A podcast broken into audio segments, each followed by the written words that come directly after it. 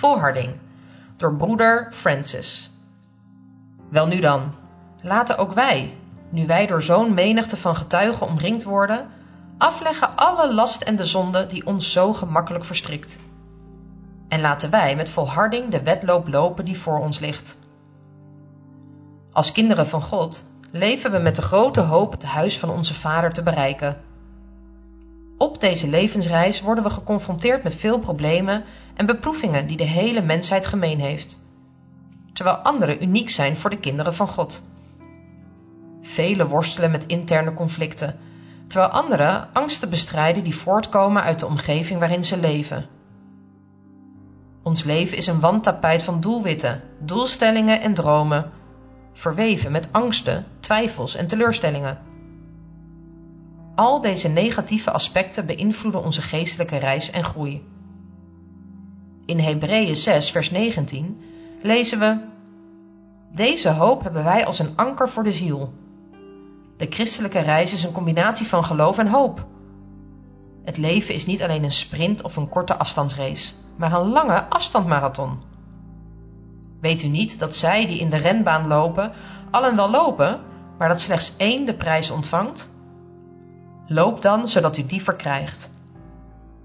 We dienen standvastig te zijn en deze race met veel volharding en geduld te leiden, ook al worden we onderweg met veel tegenslagen geconfronteerd. Volharding gedefinieerd.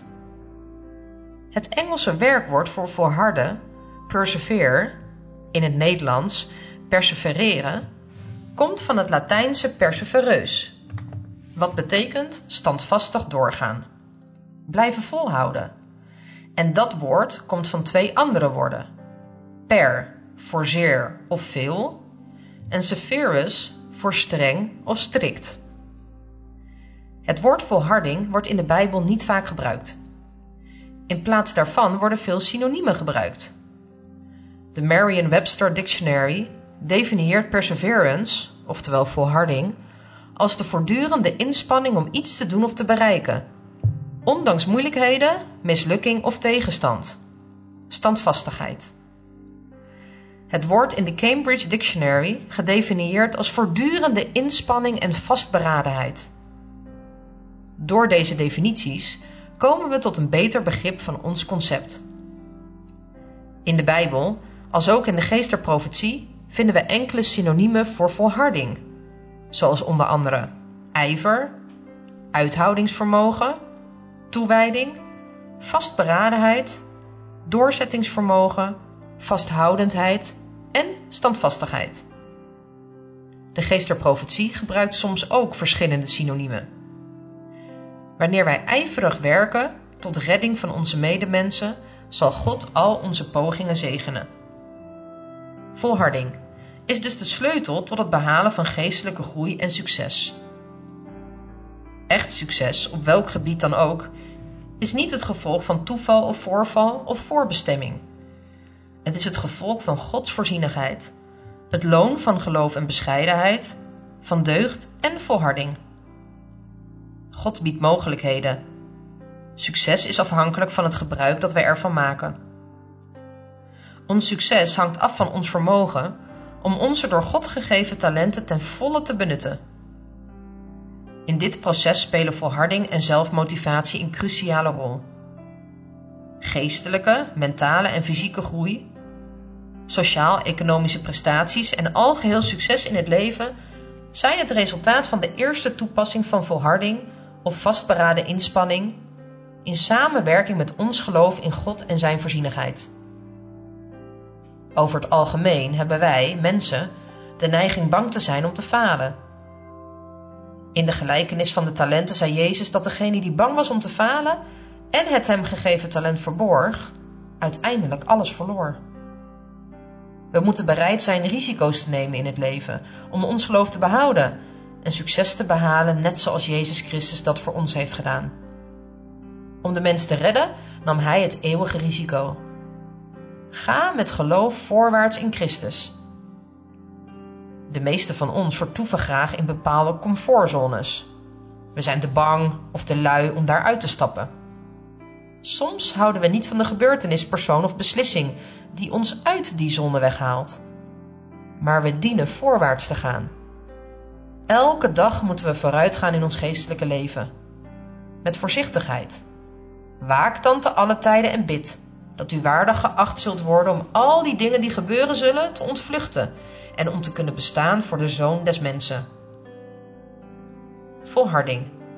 Het brengt fysieke, mentale en geestelijke groei. Het hele systeem heeft de versterkende invloed van beweging in de open lucht nodig. Elke dag een paar uur handwerk zou helpen om de lichamelijke stevigheid te vernieuwen en de geest te laten rusten en zich te laten ontspannen. Een zwakke geest kan gemakkelijk door de vijand worden beïnvloed in de richting van ontmoediging, niets doen en verkeerde gewoonten. Een gezond dieet, geschikte lichaamsbeweging, voldoende hydratatie, voldoende slaap, gebedsleven en goede gewoonten zullen ons helpen de negativiteit in ons te bestrijden. Aan de andere kant zullen al deze dingen ook onze volharding en vastberadenheid vergroten om ons naar de volgende niveaus van mentale en geestelijke groei te brengen. U dan, wees sterk en verlies de moed niet, want er is loon overeenkomstig uw werk. Wij als christenen dienen een positieve houding te ontwikkelen, die ons zal helpen betere persoonlijkheden te ontwikkelen en uiteindelijk onze invloed in de samenleving zal vergroten. Als we positieve hoop, verwachtingen en overtuigingen hebben, zal dat geloof opbouwen dat onze volharding zal voeden. Onze trouwe reacties en geestelijke benaderingen zullen veel interne en externe conflicten oplossen. Ook zullen onze evenwichtige houdingen ons helpen onze invloedcirkel te verruimen bij het zaaien van Gods woord onder ongelovigen. Dit zal op zijn beurt ook voor vooruitgang in het leven zorgen. Maar onthoud dat wanneer we met mensen omgaan, we vaak worden geconfronteerd met teleurstellingen, kritiek, conflicten en soms mislukkingen. De vraag blijft: gaan we opgeven of gaan we voorwaarts? Zoals Dr. Martin Luther King Jr. zei: Als je niet kunt vliegen, ren dan. Als je niet kunt rennen, loop dan. Als je niet kunt lopen, kruip dan. Maar wat je ook doet, je moet vooruit blijven gaan. We dienen ten alle tijden onze doelen in gedachten te houden. We hebben allemaal doelen in ons leven, of die zouden we moeten hebben. Ons leven moet doelgericht en goed gefocust zijn. God is doelgericht.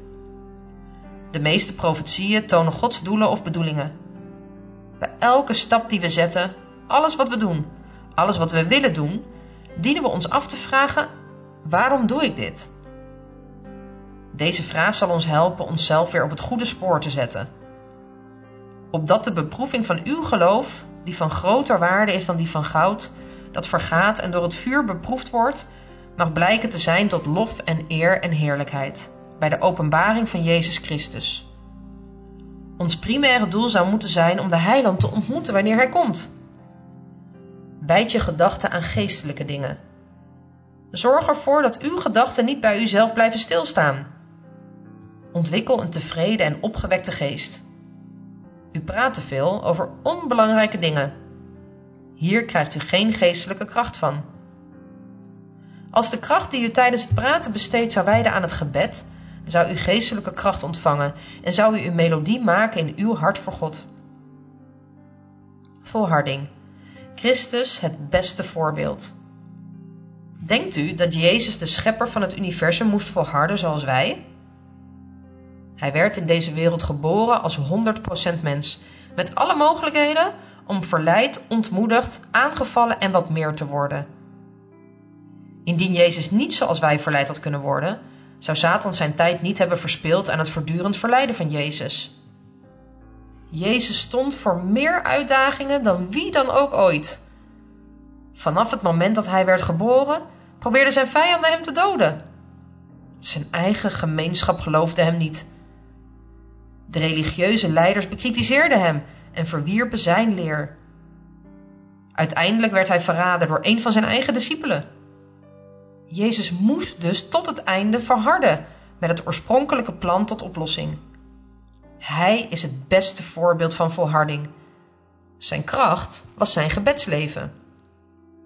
Geen van deze schadelijke elementen of uitdagingen kon Jezus ervan weerhouden het doel van het kruis te bereiken. Dagelijks omringd door verzoeking, voortdurend tegengewerkt door de leiders van het volk, wist Christus dat hij zijn menselijkheid moest versterken door gebed. Om mensen tot zegen te zijn, moet hij met God in verbinding staan, door van hem energie, volharding en standvastigheid te verkrijgen. In de hof van Gethsemane was Jezus erg verontrust door de zwaarte van de zonde die hij zou moeten dragen. Hij bad vurig tot de Vader en smeekte om hulp. Niemand die zich rondom Jezus bevond kon hem helpen. Hij vroeg de discipelen om te bidden, maar in plaats daarvan sliepen zij. Menselijk gesproken was de vraag voor Jezus: ga ik deze missie opgeven? Ook wij komen tot specifieke beslissingspunten, zoals Jezus mee geconfronteerd werd. Als mens had Jezus op dit moment externe hulp nodig. De hemel bood Jezus steun als gevolg van zijn oprecht gebed. Hij wil zich niet van zijn zending laten afhouden.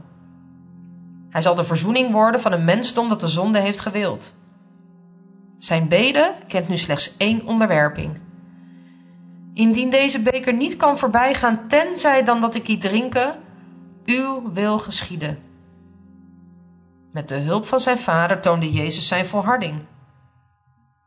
Op aarde was Jezus een gebedstrijder. Jezus onderwierp zijn wil aan de wil van zijn vader. Hij concentreerde zich op zijn ultieme missie. Telkens wanneer zijn menselijke neigingen zijn missie dreigden te dwarsbomen, zocht hij hulp bij God de Vader. Jezus is ons voorbeeld. Volharding, een essentieel ingrediënt van gebed. Houd sterk aan in het gebed en wees daarin waakzaam met dankzegging.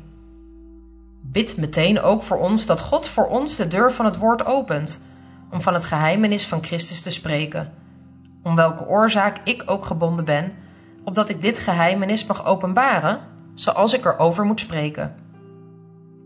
We kunnen vijf hoofdelementen van gebed identificeren in de bovenstaande Bijbelversen. Ten eerste vroeg de apostel Paulus aan de Colossensen om standvastig te zijn of door te gaan in gebed. Zij moesten niet opgeven, maar vasthouden aan hun geloof in Jezus. Ten tweede noemt hij waakzaamheid in onze gebeden. Ten derde vinden we dat onze gebeden onze oprechte dankzegging zouden moeten bevatten. Ten vierde vinden we dat we zouden moeten bidden, dat ons hart ontvankelijk zal zijn voor het woord van God en ook dat Zijn woord met anderen dient te worden gedeeld. Ten vijfde zien we dat de apostel Paulus verzoekt om gebeden voor zijn missie en daarom dienen wij te bidden voor alle missies en zendelingen. Standvastig blijven of volharden in gebed, rekening houdend met alle elementen van gebed, zal ons allen tot zegen zijn terwijl u bij elke gelegenheid met alle gebed en smeking bidt in de geest en daarin waakzaam bent met alle volharding en smeking voor alle heiligen. Wanneer we denken aan volharding in gebed, herinneren we ons misschien de gelijkenissen die Jezus in de Evangelie onderwees. We vinden voornamelijk de gelijkenis over een man die smeekte om brood om zijn hongerige vriend te voeden, die hem s'nachts een verrassingsbezoek had gebracht dit verhaal staat in het boek Lucas, vlak na het Onze Vader. Het is dus duidelijk dat volharding essentieel is. Verderop in hetzelfde hoofdstuk lezen we deze woorden van de Heiland. En ik zeg u: bid en u zal gegeven worden, zoek en u zult vinden, klop en er zal voor u opengedaan worden. Want ieder die bidt, die ontvangt, wie zoekt, die vindt, en wie klopt, voor hem zal er opengedaan worden. We vinden nog een andere bekende gelijkenis van Jezus over de weduwe en de onrechtvaardige rechter in Lucas 18, vers 1 tot 8. De reden of het doel van deze gelijkenis is om zijn leerlingen duidelijk te maken dat ze moesten blijven bidden, dat ze het nooit moesten opgeven, vertelde Jezus hun in deze gelijkenis. Opnieuw haalt Jezus het gevolg van volharding aan. En de Heere vervolgde: Hoor wat die onrechtvaardige rechter zegt. Zou God dan de mensen die hij zelf heeft uitgekozen en die dag en nacht tot hem roepen, hun recht niet geven? Zou hij hen laten wachten? Neem van mij aan, hij zal ze heel snel hun recht geven. Maar zal de mensenzoon bij zijn komst wel geloof op aarde vinden? Hier zien we dat Jezus geloof en volharding verbindt met verlossing. Volharding. De verheerlijkte volharden tot het einde. Wij dan, gerechtvaardigd uit het geloof, hebben vrede bij God door onze Heere Jezus Christus. Door Hem hebben wij ook de toegang verkregen door het geloof tot deze genade, waarin wij staan, en wij roemen in de hoop op de heerlijkheid van God. Mijn geliefde broeders en zusters, wij naderen wederom het einde van een jaar. Dit jaar was een zeer uitdagend jaar voor velen van ons. Veel mensen verloren hun dierbaren vanwege de COVID-19-pandemie, terwijl anderen sociaal en economisch werden getroffen. Maar toch hielp God ons dit jaar door te komen met veel innige hoop op zijn glorieuze verschijning. In het boek Openbaring noemt de schrijver Johannes de uitverkorene heilige. Terwijl wij het proces van rechtvaardiging en heiligmaking doorlopen, verwachten wij verheerlijkt te worden bij de verschijning van de Heer. Nogmaals, we moeten onszelf deze vraag stellen: gaan we deze race opgeven of zullen we volharden tot het einde? Christus heeft zijn opdracht gegeven. Gaat heen in de gehele wereld. Iedereen moet de waarschuwingsboodschap horen.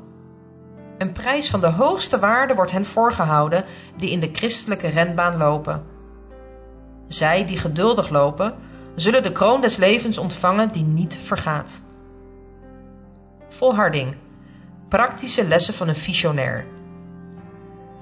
De legendarische Dr. King was de Mahatma Gandhi van de Verenigde Staten. Hij volgde de blauwdruk van Gandhi's Ahimsa Satyagraha, de niet gewelddadige protesten die de weg baanden naar de verlangde vrijheid van burgerrechten. Dr. Martin Luther King, junior, oorspronkelijke naam Michael King Jr., geboren op 15 januari 1929 in Atlanta, Georgia, overleden op 4 april 1968 in Memphis in Tennessee, was baptistenprediker en sociaal activist die de burgerrechtenbeweging in de Verenigde Staten leidde vanaf het midden van de jaren 50 tot zijn dood, door moord, in 1968. Zijn leiderschap was van wezenlijk belang voor het succes van die beweging in het beëindigen van de juridische segregatie van Afro-Amerikanen in het zuiden en andere delen van de Verenigde Staten. King kreeg nationale bekendheid als hoofd van de burgerrechtenorganisatie Southern Christian Leadership Conference, die geweldloze tactieken promoten, zoals de massale mars naar Washington om burgerrechten te verkrijgen.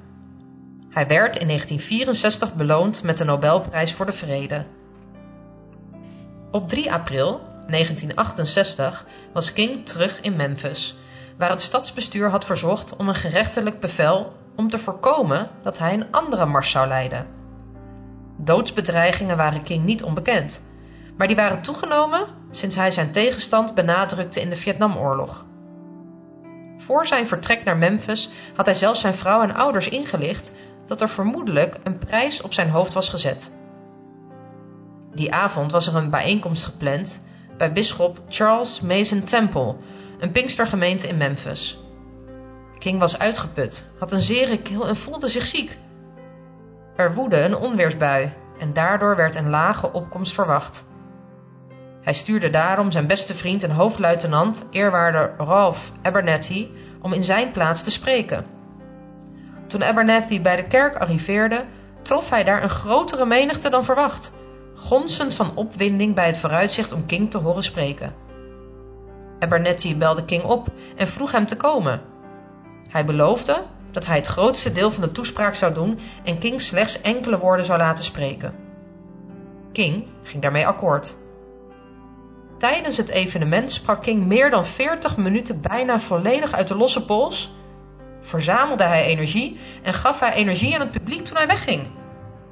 Per saldo hield hij een van zijn meest emotioneel, verheven en retorische briljante toespraken. Uiteindelijk, toen hij afsloot, werd zijn toespraak profetisch. We hebben een aantal moeilijke dagen voor de boeg. Maar het maakt mij nu niet meer uit, want ik ben op de bergtop geweest. Zoals iedereen zou ik graag een lang leven willen leiden. Een lange levensduur heeft zijn plaats, maar daar maak ik me nu geen zorgen meer over. En ik heb het beloofde land gezien. Ik kom er misschien niet met jullie, Maar ik wil dat jullie vanavond weten dat wij als volk het beloofde land zullen bereiken. Ik maak me nergens zorgen over. Ik ben voor niemand bang. Mijn ogen hebben de heerlijkheid van de komst van de Here gezien. Tegenwoordig hebben miljoenen Afro-Amerikanen in de Verenigde Staten hun vrijheid van burgerrechten te danken aan de volhardende inspanningen en offers van mensen zoals Dr. King. Door Gods genade zullen bedreigingen, ziektes, beloningen of tijdelijke tegenslagen niet een doelgericht persoon tegenhouden die de volharding en de toewijding heeft om door te gaan. Ter afsluiting. De kracht die verkregen wordt door gebed tot God, samen met een volhardend trachten de geest te oefenen in bedachtzaamheid en zorg, maakt een mens geschikt voor zijn dagelijkse plichten en bewaart onder alle omstandigheden de vrede voor zijn geest. En de Heere mogen uw harten richten op de liefde van God en op de volharding van Christus. Amen.